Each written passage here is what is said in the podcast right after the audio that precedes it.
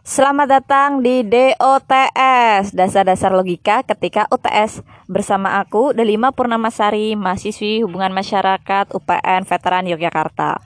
Sesuai dengan judul podcastnya Di sini aku bakal jelasin mengenai ilmu logika Tapi dasar-dasarnya dulu Walaupun kedengarannya bakal sulit, di sini aku bakal jelasin secara seringkas mungkin dan semudah mungkin dan bakal aku coba kasih contoh dan pembahannya. Jadi, semoga lebih gampang buat dipahami ya. Jadi, kuy langsung mulai aja. Ketika kita belajar sesuatu atau ilmu yang baru, ada pepatah yang bilang starting with why and living with who. Jadi, Pertama, aku bakal jelasin why-nya dulu. Kenapa sih kita sebagai manusia atau mahasiswa, mahasiswi khususnya perlu banget belajar dan memahami logika ini. Jadi, logika itu merupakan dasar kita untuk berpikir kritis, sehingga kita bisa punya keterampilan untuk menganalisis dan mengevaluasi sesuatu secara logis. Emang kenapa sih kalau kita enggak berpikir kritis? Tentu menjadikan kita mudah dimanipulasi, dipengaruhi. Kita cenderung mudah percaya pada klaim yang kita terima.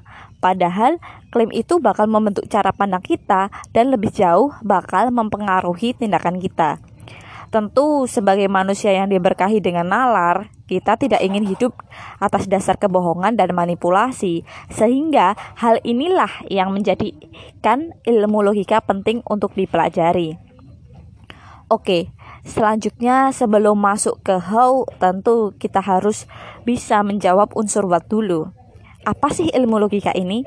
Jadi, ilmu logika adalah ilmu yang membahas mengenai hal-hal yang bersifat penalaran atau pemikiran, tapi secara sistematis dan normatif untuk mendapatkan kesimpulan yang tepat. Selain itu sebenarnya masih banyak sih pengertian-pengertian lain yang mudah bisa kita temui di mana aja, khususnya di internet. Secara etimologis contohnya, logika berasal dari kata logika yang berarti seni berpikir. Seni berpikir di sini tidak hanya menitik beratkan pada keindahan saja, tapi juga pada aspek pemikiran ilmiah, yaitu pemikiran yang logis, yang kritis, yang mandiri dan sistematis. Oh ya, sering kali logika ini disamakan oleh orang-orang dengan filsafat orang orang-orang itu tuh menganggap bahwa filsafat adalah logika, begitu juga sebaliknya. Padahal tidak semua filsafat menggunakan logika karena ada pula yang lebih menitik beratkan etika atau mungkin ide dan gagasan. Dan sebenarnya telah jauh lama sekali sang babak logika yang tidak lain adalah Aristoteles telah sukses memisahkan logika dengan filsafat sehingga logika merupakan cabang dari ilmu filsafat dan lebih bersifat praktis. Nah, suatu ilmu pengetahuan tentu memiliki objek kajian yaitu golongan masalah yang sama sifat hakikatnya baik tampak luar maupun tampak dalam. Lalu, logika sebagai suatu ilmu pengetahuan apakah memiliki objek tertentu? Tentu ada. Objek material dari logika adalah isi pikiran. Isi pikiran ini menjadi sesuatu hal yang diselidiki dan menjadi tinjauan dalam ilmu ilmi. Ilmu ini. Sedangkan objek formalnya atau yang menjadi perspektif atau cara untuk memahami objek material tadi adalah kebenaran dari isi pikiran. Dan yang terakhir adalah subjek masalah ilmu ini, yaitu metode dan teknik logika yang membedakan antara penalaran yang salah dan benar. Oke, karena kita sudah cukup tahu mengenai apa itu logika, mari kita masuk ke bagian pentingnya, yaitu how. Bagaimana aplikasi ilmu logika ini di kehidupan? Contoh nih, ada orang tua yang bilang, si Fani tuh kuliah di UPN, terus lulusnya sukses. Si Ayu tuh juga kuliah di UPN, lulusnya juga sukses. Akhirnya orang tua ini tadi berargumen bahwa setiap lulusan UPN bakal sukses. Akhirnya tidak cuma orang tua ini, orang-orang tua yang lain ber, e, menyuruh anaknya untuk kuliah di UPN karena yakin bahwa nanti lulusnya bakal sukses. Tentu kita sering mendapati dan mendengarkan hal-hal semacam ini di mana aja. Terus yang menjadi pertanyaan adalah bagaimana hubungannya sama logika? Jadi, itu tadi adalah salah satu contoh di mana pernyataan atau yang sering disebut di logika adalah premis digunakan sebagai alasan untuk percaya pada kesimpulan. Hal ini sering disebut sebagai argumen. Di ilmu logika, argumen tadi masuk ke dalam argumen induktif karena termasuk dalam bentuk generalisasi. Jadi, sebuah argumen yang diterapkan pada seluruh kelompok padahal hanya berdasarkan pengetahuan dari sekelompok kecil sampel aja. Nah, pada argumen logika ini sebenarnya tidak dapat dipastikan, namun hanya terdapat kemungkinan aja, sehingga biasa dikategorikan menjadi argumen yang kuat dan lemah. Kesimpulan pada contoh tadi bahwa semua lulusan UPN pasti sukses akan sukses mungkin salah meskipun premis-premisnya tadi dari si Ayu dan Fani yang digunakan itu benar dan argumennya kuat. Jadi sebenarnya untuk argumen induktif kita pasti selalu bisa menemukan celah untuk menyangkalnya karena tidak pernah 100% pasti. Jadi, buat teman-teman yang lulusan UPN tapi masih belum sukses, santai aja, tenang aja karena kesimpulan tadi masih bisa kita sangkal kok. Jadi, jangan insecure. Jadi itu tadi cuma bercanda. Jadi kita sebagai calon lulusan UPN atau calon lulusan dari mana pun kita bisa sukses, kita harus sukses dengan cara kita masing-masing. Oke, jadi kita bisa langsung lanjut aja nih bahas mengenai logika. Jadi perlu diketahui bahwa bentuk-bentuk argumen induktif bukan hanya generalisasi kayak tadi. Masih banyak bentuk yang lain. Contoh lain adalah argumen dari analogi. Misalnya nih, ada yang bilang menjalani kehidupan itu tidak selalu sulit. Setelah susah nanti akan ada senangnya. Terus bilang lagi, belajar di sekolah itu seperti menjalani kehidupan. Jadi kesimpulannya, belajar di sekolah tidak selalu sulit karena setelah susah bakal ada senangnya. Nah, tentu yang kayak gini tuh hanya kemungkinan karena bisa jadi ternyata belajar di sekolah itu susah terus, nggak pernah seneng. Jadi ini cuma contoh ya, ingat cuma contoh gitu deh. Oke, jadi ada beberapa kategori lain yang termasuk dalam logika induktif.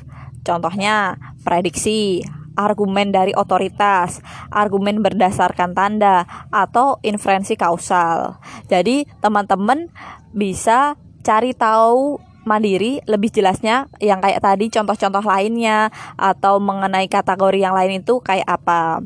Atau kalau nggak mau cari sendiri mungkin bisa tunggu kelanjutan episode podcast ini ya kalau ada tapi. Oke, jadi kita akan masuk ke jenis logika temennya logika induktif. Jadi pernah nggak sih teman-teman dengar argumen dari guru bilang nih, semua murid SMA 1 wajib menaati aturan sekolah. Nah, teman-teman adalah murid SMA 1.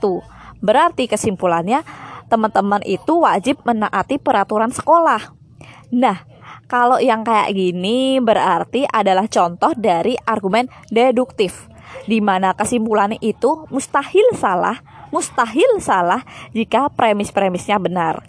Jadi 100% pasti. Dilihat dari contoh tadi, maka premisnya benar. Jadi kesimpulannya pasti benar. Jadi buat kalian murid SMA 1 jangan sekali-kali menyangkal argumen ini dengan melanggar peraturan karena tidak ada celahnya. Bisa-bisa kalian disuruh pindah sekolah kan gitu. Nah, buat logika deduktif ini juga punya beberapa kategori di dalamnya. Contoh nih, logika matematika. 2 tambah 2 adalah 5. Nah, itu contoh logika deduktif yang invalid karena yang benar kan jawabannya adalah 4. Nah, untuk membentuk argumen yang valid itu harus premisnya harus benar, kesimpulannya juga harus benar. Nah, ada beberapa kategori-kategori lain dalam logika deduktif ini. Contohnya, argumen dari definisi, silogisme kategori, atau silogisme hipotetik. Jadi, silahkan teman-teman cari tahu sendiri secara mandiri ya, secara lebih lanjutnya, kayak gimana contohnya. Pokoknya semangat. Podcastnya nggak usah panjang-panjang biar gak ngantuk ya. Jadi terakhir nih, aku bakal jelasin sesuatu yang penting tapi harus dihindari. Apalagi namanya kalau bukan sesat pikir. Sesat pikir ini sering dimaknai sebagai proses pemaksaan prinsip logika tanpa memperhatikan relevansinya. Oke, mungkin kita bisa langsung aja ke contohnya ya. Jadi pernah nggak sih uh, kita ketemu kakak kelas nih lagi marah-marah. Kita nih sebagai adik kelas ya ceritanya. Terus kita coba bantah nih. Eh kakak kelasnya tadi ngeles bilang eh contohnya nih eh jangan sok tahu lu. Gue tuh udah sekolah di sini lama tiga tahun. Udah tahu seluk beluknya udah tahu semua. Jadi yang kayak gitulah contohnya pokoknya. Nah yang kayak gitu tuh selain nyebelin ya juga masuk ke sesat pikir golongan argumen et baculum atau ketakutan pada kekuatan. Jadi menggunakan kekuasaan padahal tidak berhubungan secara logis dengan klaim dan terkadang memuat ancaman entah eksplisit atau implisit.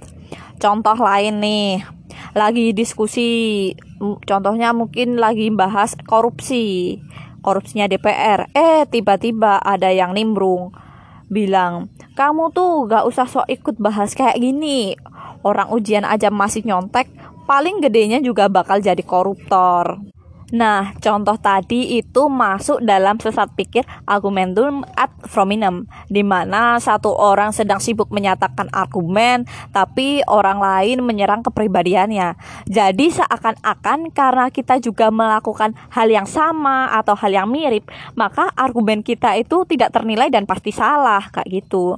Perlu diketahui bahwa jenis kategori dari sesat pikir ini ada banyak banget. Jadi kita harus hati-hati baik dalam menganalisis argumen orang lain ataupun dalam membentuk argumen kita. Jangan sampai kita menjadi keras kepala dan merasa menjadi satu-satunya yang benar karena bisa jadi orang lain menyangkal argumen kita karena argumen kita itu ada peluang untuk disangkal atau bahkan mungkin memang argumen kita tidak logis kayak gitu. Terakhir nih, aku bakal tutup karena tadi aku awali dengan pepatah, maka aku bakal tutup juga dengan pepatah. Kayak gini. Barang siapa mempelajari logika, maka sesungguhnya ia telah menggenggam master key untuk membuka semua pintu masuk ke berbagai disiplin ilmu pengetahuan dari Rapar 1983. Jadi buat teman-teman selamat belajar logika, semangat selalu dan jaga kesehatan di mana pun berada. Terima kasih sudah mendengarkan. Dadah.